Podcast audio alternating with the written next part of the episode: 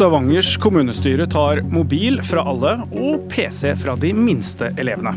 Hold fingrene deres, politikerfingrene deres av pad og PC, sier lærerne. Og så har Likestillings- og diskrimineringsombudet sendt bekymringsmelding til regjeringen. Etter Aftenpostens avsløring av at barn med tyrkisk bakgrunn oppholder seg kveld og natt i menighetens lokaler.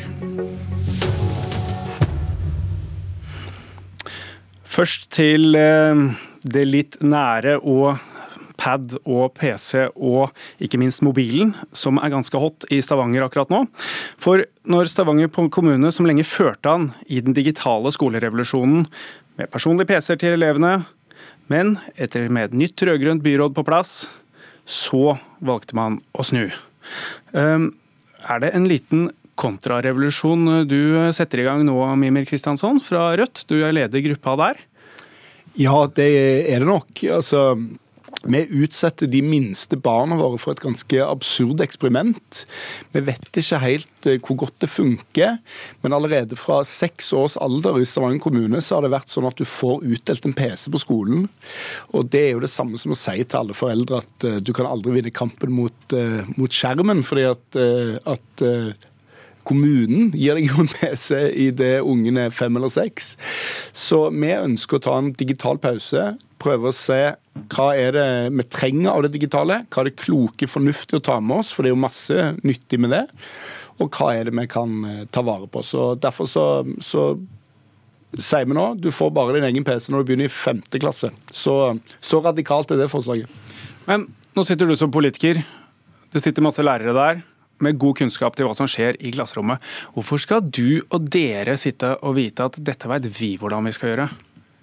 Jeg eh, har et helt annet inntrykk av tilbakemeldingene fra lærere enn det som kommer fra f.eks. Steffen Handal i Utdanningsforbundet. Altså for meg, når jeg er ute og snakker om dette, så framstår det som om dette er det gledeligste nyheten læreren har fått i hele år.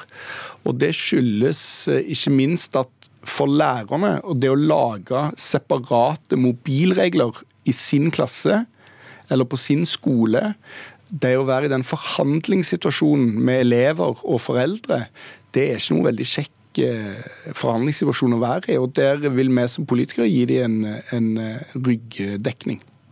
Mathilde Tybring-Gjedde fra Høyre, velkommen. Takk. Um, dere er jo partiet også I tillegg til å ha kunnskapsministeren, så har dere jo egen digitaliseringsminister. Og altså styrt Stavanger. Ser dere med skrekk og gru på det som skjer her nå? Nei, dette er jo et eh, godt bevart konservativt instinkt i Mimir som jeg, eh, som jeg deler. Eh, og det er klart at Selv om jeg nok er noe, liksom, noe uenig i at det å erstatte én-til-én-PC med sånne hente-PC-er som læreren skal ta i bruk, nødvendigvis er liksom det lureste, for det kan jo også hindre de gode lærerne som gjør det på en god og smart måte i undervisninga. Men når det er sagt, så er, deler jeg og Mimir den bekymringa for at vi har i mange år, og vi, da snakker jeg om foreldre, lærere, mm. politikere, vært for naive i form av hvilke negative konsekvenser digitaliseringen har, og at skolen også må være motvekt til det. Likevel, nå sitter dere og er da overraskende litt tverrpolitisk enighet her. Nå har politikerne som først heia voldsomt på PC, nettbrett, alt er pluss, voldsomt inn, og så nå skal dere trekke bremsen igjen. Og så har vi de som er i klasserommet. Nå sier du at eh, du er det er, det er delt, delte meninger der òg. Vi skal høre hva Steffen Handal, da, leder i Utdanningsforbundet, sier om at dere overstyrer lærerne her. Jeg syns det er eh, uheldig at eh, kommunen tar en eh, så inngripende avgjørelse uten egentlig å ha snakket med representanter for lærerprofesjonen. Lærerne og skolen er de som er tettest på elevene, og som har den beste kontakten med foreldrene. Og som derfor også bør drive tilpasningen. Og det er de også som kjenner til mulighetene og også utfordringene som ligger i bruk av ulike metoder og, og verktøy. Så det er først og fremst for elevens beste at denne avgjørelsen bør tas så nært dem som mulig. Ja, Tybring-Edde, du hører at skolen de sier du bør ta det nært, det er de som er i klasserommet. Og dere har i tillegg kommet med en ny læreplan hvor man vektlegger digitalisering enda mer. Ja, men Det som vektlegges i de nye læreplanene, det er at eh, man skal forstå at digitale ferdigheter er noe mer enn å ha en PC tilgjengelig til enhver tid. Digitale ferdigheter handler også om å f.eks. vite eh, hvordan man ikke skal bruke det. Være bevisst på at man blir distrahert. Det å være kritisk tenkende til informasjonen man får gjennom mange ekkokamre på nett. Og, mange, og Det er en utvidet forståelse av det. Og så er jeg enig i at lærernes kompetanse er det aller viktigste, og at de skal ta vurderinger i sitt klasserom.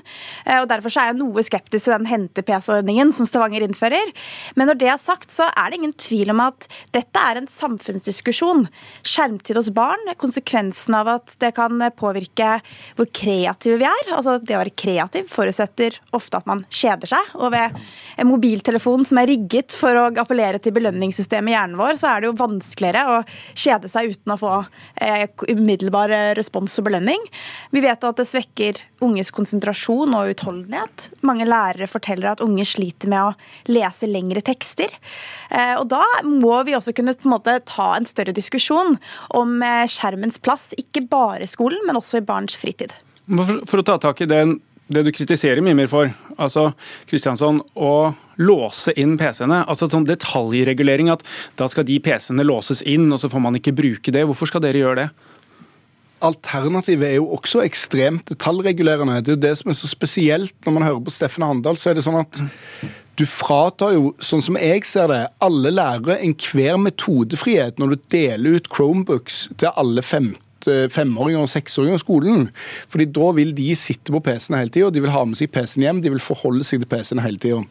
Så vi er nødt til å på en måte si at det er læreren som skal bestemme om det er Chromebooken eller mobilen som skal være der. Og Det samme gjelder med mobilfri skole, som også er en del av dette vedtaket. Så sier vi at hvis du vil bruke mobil som lærer i timen, kjør på. Ingen skal nekte deg det.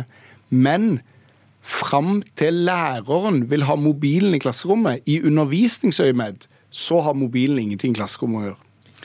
Mathilde altså, Hvis du heier så fælt, da på at man tar og så drar tilbake på digitaliseringen, tilbake i boka. Og så gjør man det i Stavanger. Ikke sant? Bør, ja, men bør man, bør man ikke da, da bør man tenke at Hvis det er suksess i Stavanger, da, da bør man ha dette som en nasjonal retningslinje da, og dra det tilbake litt. Men Stavanger har jo vært en av de kommunene hvor du faktisk har hatt aktive skoleeiere som har vært bevisst på hvordan det skal innføres, og gitt lærerne kompetanse til å ta det i bruk. Kanskje ikke helt bevisst nok, da, ifølge det nye by, bystyret der? Nei, men der, jeg må si at jeg er mer bekymra for veldig mange andre kommuner i Norge som eh, kommunepolitikerne vedtar at skal innføres overalt i klasserommet, og så glemmer de å bevilge penger til kompetanseheving hos lærere, f.eks.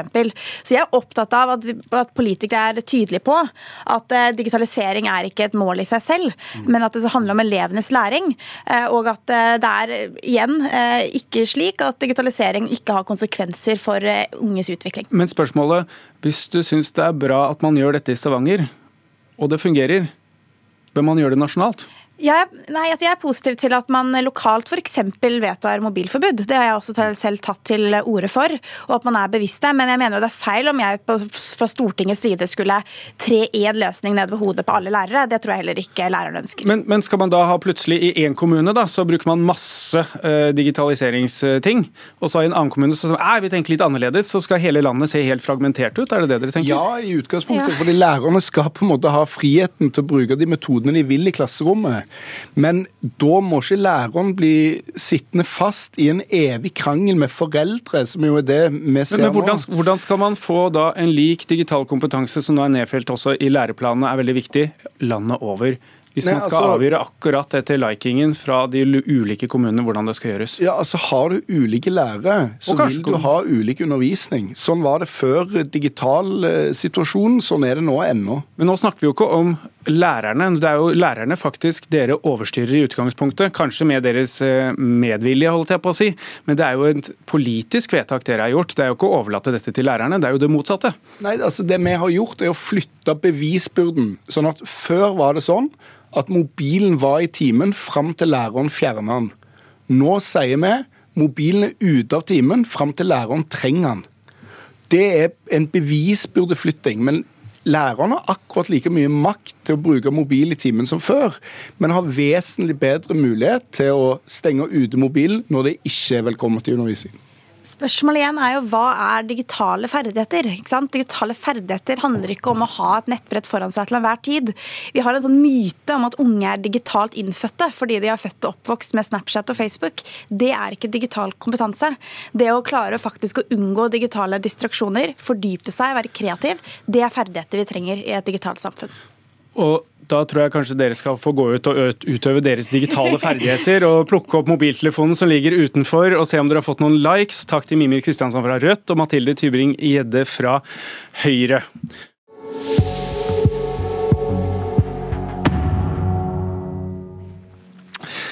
Det skal fortsatt handle om barn, men nå om barn som noen er bekymret for at holdes borte fra andre barn eh, og samfunnet rundt. Aftenposten har avdekket at barn oppholder seg i lokaler til det sunnimuslimske Sulimanshu-bevegelsen. Eh, det islamske kultursenter, som eh, er navnet deres i Norge, både på kveld og nattestid. Skolene er bekymra for konsekvensene, men sier de ikke har lovverk de kan bruke for å holde tilsyn med tilbudet om dette i praksis. Og om det er praksis er kjønnssegregerte koranskoler vi snakker om. Likestillings- og diskrimineringsombud Hanne Bjurstrøm, velkommen. Takk. Du har sendt brev til kunnskapsminister og integreringsminister Jan Tore Sanner. Vi har også kopi til, til Kjell Ingolf Ropstad, barneministeren, og kulturminister Trine Skei Grande. Eh, hva er du bekymra for? Ja, jeg er bekymret for at et tilbud som holder barn eh, unna eh, lek, integrering, eh, eh aktiviteter som eh, andre barn gjør etter skoletiden, kan gjøre det vanskelig for disse barna å, å, å integreres og, og en, en, få et godt liv i det norske samfunnet.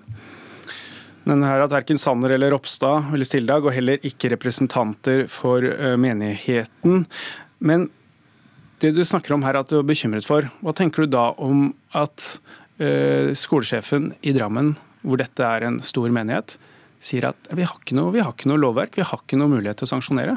Det er nettopp derfor vi tar dette opp Altså. For jeg tror at nettopp at vi er en klar stemme på at dette må myndighetene se på, kan bidra til at også myndighetene setter seg ned og ser på hvilke muligheter har vi til å ikke kontrollere. For jeg tror at vi må gå i dialog i første runde og finne ut hva dette er.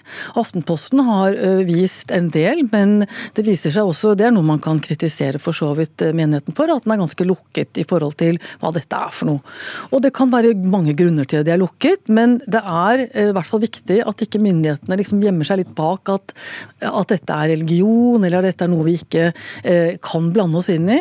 Dette dreier seg altså om, eh, om, om stor, en veldig stor del av, av, unge og barns tid, som vi mener vi må vite hvor, hvordan den er, i forhold til at de skal eh, integreres i Norge. De skal leve i et samfunn som ikke er segregert mellom kjønnene.